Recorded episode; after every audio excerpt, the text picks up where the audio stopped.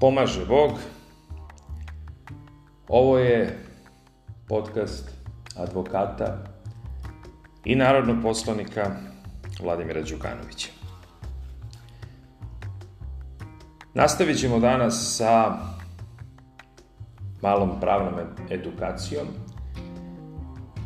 Veliki broj ljudi, Bogu hvala, mi se javio i rekao da im se dopada ovaj vid podcasta, jer eto, i oni koji nisu pravnici saznaju neka svoja prava posebno vezana za krivični postupak. A danas ćemo se baviti temom koja može da izazove ozbiljne probleme, posebno zbog činjenice da već smo govorili koliko se ovde krši prezumcija nevinosti i zato što se neretko događa situacija da neko lice koje je lišeno slobode, koje je bilo u pritvoru, na kraju ne bude pokrenut nikakav postupak protiv njega, a onda ono ima pravo da ostvari e, neka svoja prava, posebno za naknadu štete, zato što je bilo neosnovano lišeno slobode i neosnovano bilo u pritvoru. Odnosno, izgubilo je tih nekoliko meseci svog života boraveći tamo gde nije trebalo da bude. I zato uvek moramo da vodimo računa o situacijama kada a, govorimo i pišemo o nekim licima koja su privedena, jer to što je neko priveden i što je eventualno zadržan i što mu je određen pritvor ne znači da je zaista i kriv i da će se protiv njega voditi krivični postupak. Naravno, Mi ćemo danas govoriti o postupku za ostvarivanje prava lica neosnovano lišenih slobode ili neosnovano osuđenih. Znači imamo dve kategorije. Imamo kada je lice neosnovano lišeno slobode, pa nije još uvek ili je eventualno otpočeo postupak, ali kasnije je ukinuta e, presuda. I imamo kada je neko lice neosnovano osuđeno i kada je to kasnije utvrđeno i to lice posle pušteno na slobodu. U obe te situacije, ukoliko dođe do takvih rešenja da je i presuda pravosnažnih da je neko lice neosnovano lišeno slobode ili neosnovano osuđeno, to lice ima pravo na naknadu štete. Krenut ćemo od lica koje je neosnovano lišeno slobode. Sve to je definisano članom 584 zakonika o krivičnom postupku. Ko se sve smatra licem neosnovano lišenim slobode? Pre svega, to je lice koje je lišeno slobode, a nije došlo do pokretanja postupka, ili je pravosnažnim rešenjem postupak obustavljen, ili je optužba odbijena, ili je postupak pravosnažno okončan odbijajućom ili oslobađajućom presudom. Potom, to je lice koje je izdržavalo kaznu zatvora, a povodom zahteva za ponavljanje krivičnog postupka ili zahteva za zaštitu zakonitosti, izrečena mu je kazna zatvora u kraćem trajanju od izdržane kazne ili je izrečena krivična sankcija koja se ne sastoji u lišenju slobode ili je oglašeno krivima oslobođen od kazne. I to može zaista da se dogodi da lice definitivno bude a, osuđeno ali da bude osuđeno tako što kroz varedni pravni lek će dobiti sankciju koja je manja od one koja je prethodno pravosnažnom presudom bila propisana. To lice će imati pravo kasnije na naknadu štete. Zatim, lice neosnovano lišene slobode smatra se i ono lice koje je bilo lišeno slobode duže vremena nego što traje krivična sankcija koja se sastoji u lišenju slobode koja mu je izrečena I na kraju, lice koje je usled greške ili nezakonitog rada organa postupka lišeno slobode ili je lišenje slobode trajalo duže ili je duže zadržano u zavodu radi izvršenja krivične sankcije koja se, sto, koja se sastoji u lišenju slobode. Naknada štete ne pripada, ovo moramo da obavezno naglasimo, licu koje je svojim nedozvoljenim postupcima prouzrokovalo lišenje slobode. Znači, u slučajevima iz stava 1, ovo što smo nabrojali, tačka 1 ovog člana, isključeno je pravo na naknadu štete, iako su postojale okolnosti iz kasnije člana 585, odnosno ako je to lice bilo neosnovano osuđeno, kao i iz stava 2 tačka 2 ovog zakonika ili ako je postupak obustavljen usled smrti okrivljenog. Znači, tada nemate pravo da tražite naknadu štete, jer jednostavno neprihvatljivo je da ako ste sami prouzrokovali da budete lišni slobode, da kasnije tražite naknadu štete.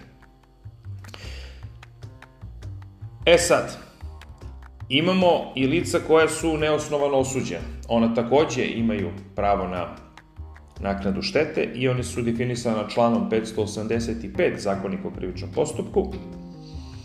Neosnovano osuđenim smatra se lice prema kome je bila pravnosnažno izrečena krivična sankcija ili koja je oglašeno krivim, a oslobođeno od kazne, a povodom varenog pravnog leka je novi postupak pravosnažno obustavljen ili optužba pravosnažno odbijena ili okončan pravosnažnom oslobađajućom presudom. Tako da osuđen iz ovog stava prvog nema pravo na naknadu štete u sledećim situacijama. Ako je svojim lažnim priznanjem ili na drugi način namerno prouzrokovao svoju osudu, osim ako je na to bio prinuđen, i ako je do obustave postupka ili odbijanja optužbe došlo zbog toga što je u novom postupku oštećeni kao tužilac, odnosno privatni tužilac, odustao od gonjenja, ili zato što je oštećeni odustao od predloga, a da od ustanka je došlo na osnovu sporazuma sa okrivljenim. Tada nemate pravo da tražite naknadu štete zato što ste bili neosnovano osuđeni. Veoma je važno naglasiti da se uvek daje takozvano rešenje o poništenju upisa neosnovane osude. Sud koji u krivičnom postupku je sudio u prvom stepenu doneće po službenoj dužnosti rešenje kojim se poništava upis neosnovane osude u kaznenoj evidenciji. Rešenje će se dostaviti organu nadležno za vođenje kaznene evidencije, a o poništenom upisu ne smije se naravno nikom davati podaci iz kaznene evidencije. Takođe, Zakonik o krivičnom postupku propisuje strogu zabranu korišćenja podataka iz spisa. Lice kome u skladu sa odredbama ovog zakonika dozvoljeno razmatranje i prepisivanje spisa koji se odnosi na neosnovano lišenje slobode ili na neosnovanu osudu, ne može upotrebiti podatke iz tih spisa na način koji bi bio od štete za ostvarivanje prava neosnovano uhapšenog ili neosnovano osuđenog. Predsednik suda je dužan da novo upozori lice kome je dozvoljeno razmatranje i to će se zabeležiti u spisu uz potpis ovog lica. E sad, a, ono što je takođe veoma važno, to je da ova lica koja su neosnovano lišena slobode ili koja su neosnovano osuđena, ona imaju pravo da povedu postupak za naknadu štete, a imaju i pravo da pokrenu takozvani postupak za ostvarivanje prava na neko moralno zadovoljenje. I zato moramo strogo da vodimo računa, ja tu molim pre svega tužioce, da kada se odluče da idu na nečije lišenje slobode, da zaista prethodno prikupe dovoljno kvalitetne dokaze koje bi mogli da im pomognu kasnije u krivičnom postupku, jer ako nemaju dovoljno kvalitetne dokaze, odnosno inicijalne dokaze, i ako istragu ne mogu da sprovedu do kraja, onda dolazimo u situaciju da će im njihova aktivnost biti uzaludna, odnosno optužnica će možda pasti ili e, jednostavno neće doći do krivičnog gonjenja nekog lica, bit će oslobođena, onda država mora da plaća izuzetno visoke naknade štete. Zahtev za naknadu štete a, je definisan članom 588 zakonika o krivičnom postupku. Pre podnošenja sudu tužbe za naknadu štete, oštećen je dužan da podnese zahtev ministarstvu nadležno za poslove pravosuđa radi postizanja sporazuma o postojanju štete i vrsti visine naknade. O zahtevu za naknadu štete odlučuje Komisija za naknadu štete, čiji se sastav i način rada uređuju aktom ministra nadležnog za pravosuđe. Ako zahtev za naknadu štete ne bude usvojen ili komisija ne odluči o zahtevu u roku od 3 meseca od dana kada je on podnet, oštećeni može nadležnom sudu da podnese tužbu za naknadu štete. Obrnuto, ako je postignut sporazum samo u pogledu dela zahteva, tužba za naknadu štete se može podneti u odnosu na preostali deo zahteva. Dok traje taj postupak, ne teče zastarelost koja je predviđena inače ovim zakonikom i tužba za naknadu štete podnosi se protiv Republike Srbije. Moramo da vodimo računa da će svi porezki obveznici onda na neki način učestvovati u plaćanju te štete.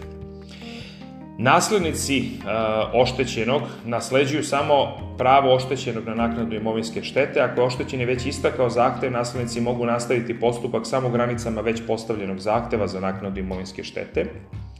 Naslednici oštećenog mogu posle njegove smrti nastaviti postupak za naknadu štete, odnosno pokrenuti postupak ako je oštećeni umro, pre isteka roka zastarelosti i od zahteva se nije odrekao u skladu sa pravilima naknadi štete propisane zakonom o obligacijnim odnosima. Takođe, zahtev za naknadu štete može da zastari. Pravo na naknadu štete zastareva za tri godine od dana pravosnažnosti prvostepene, odbijajući ili oslobađajuće presude, odnosno pravosnažnosti prvostepenog rešenja kojim je postupak obustavljen ili je odbijena optužba, a ako je povodom žalbe rešavao apelacijni sud od dana prijema odluke apelacijonog suda. I zato, zaista, evo, ja ću sve učiniti da ponovim i da uvek naglasim, pre svega našim tužiocima i opšte ljudima koji, su, koji se bave krivičnim gonjenjem. Osumnjičeni, kasnije okrivljenih, ljudi vodite računa kako vodite te postupke, nemojmo da dolazimo u situaciju da plaćamo besmislene naknade štete ljudima ako vi ne možete da dokažete, odnosno niste sposobni da prikupite dovoljno materijalnih dokaza za njihovo optuženje. E sad, već smo rekli da tu postoji takozvano pravo za ostvarivanje prava na moralno zadovoljenje, A, to je situacija gde morate da imate određene pretpostavke da biste ostvarili pravo na moralno zadovoljenje. Recimo, ako je slučaj na koji se odnosi neosnovano lišenje slobode ili neosnovana osuda nekog lica prikazivan preko sredstava javnog informisanja i time je bio povređen ugled tog lica, suće na njegov zahtev objaviti u sredstvu javnog informisanja saopštenje odluci iz koje proizilazi neosnovano lišenje slobode, odnosno neosnovanost osude, Ako slučaj nije prikazivan preko sredstava javnog informisanja, ovako saopštenje će se na zahtev tog lica dostaviti državnom i drugom organu, preduzeću i drugom pravnom ili fizičkom licu kod koga je lice neosnovano lišeno slobode ili neosnovano osuđeno u radnom odnosu.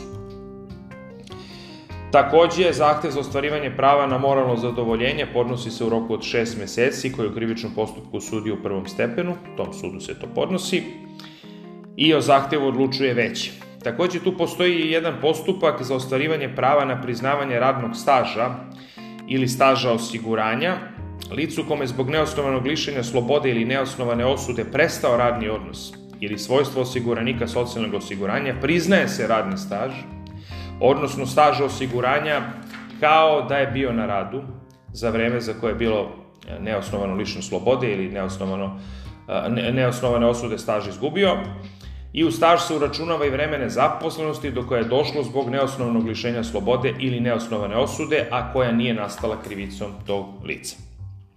Postupak za ostvarenje prava pokreće se tako što prilikom svakog rešavanja o pravu na koje utiče dužina radnog staža, odnosno staža osiguranja nadležni organ ili organizacija uzeći u obzir, staž priznat članom 594 ovog zakonika, ako organ ili organizacija ne uzme u obzir priznati staž, oštećenje može zahtevati da nadležni sud utvrdi da je priznanje ovog vremena nastupilo po zakonu.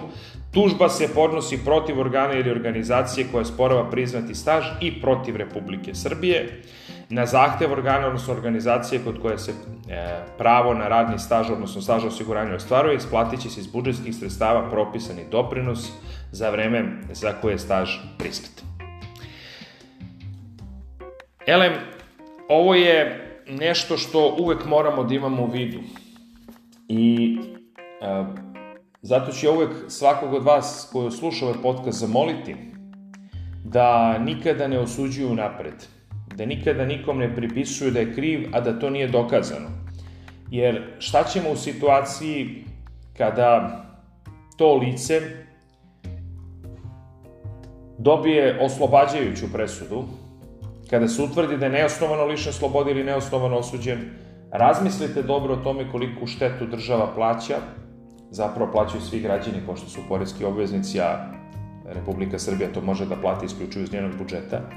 Razmislite dobro šta se onda zbiva i da li je vredno toga da što punimo novinske stupce senzacionalnim vestima o nečim kapšenjima, da li je to pametno, adekvatno i da li uopšte je pametno pokretati bilo kakvu vrstu postupka ako prethodno zaista niste dobro pripremili teren, odnosno dobro prikupili a, kvalitetne materijalne dokaze i to je pre svega pitanje za samo, za samo tužilaštvo.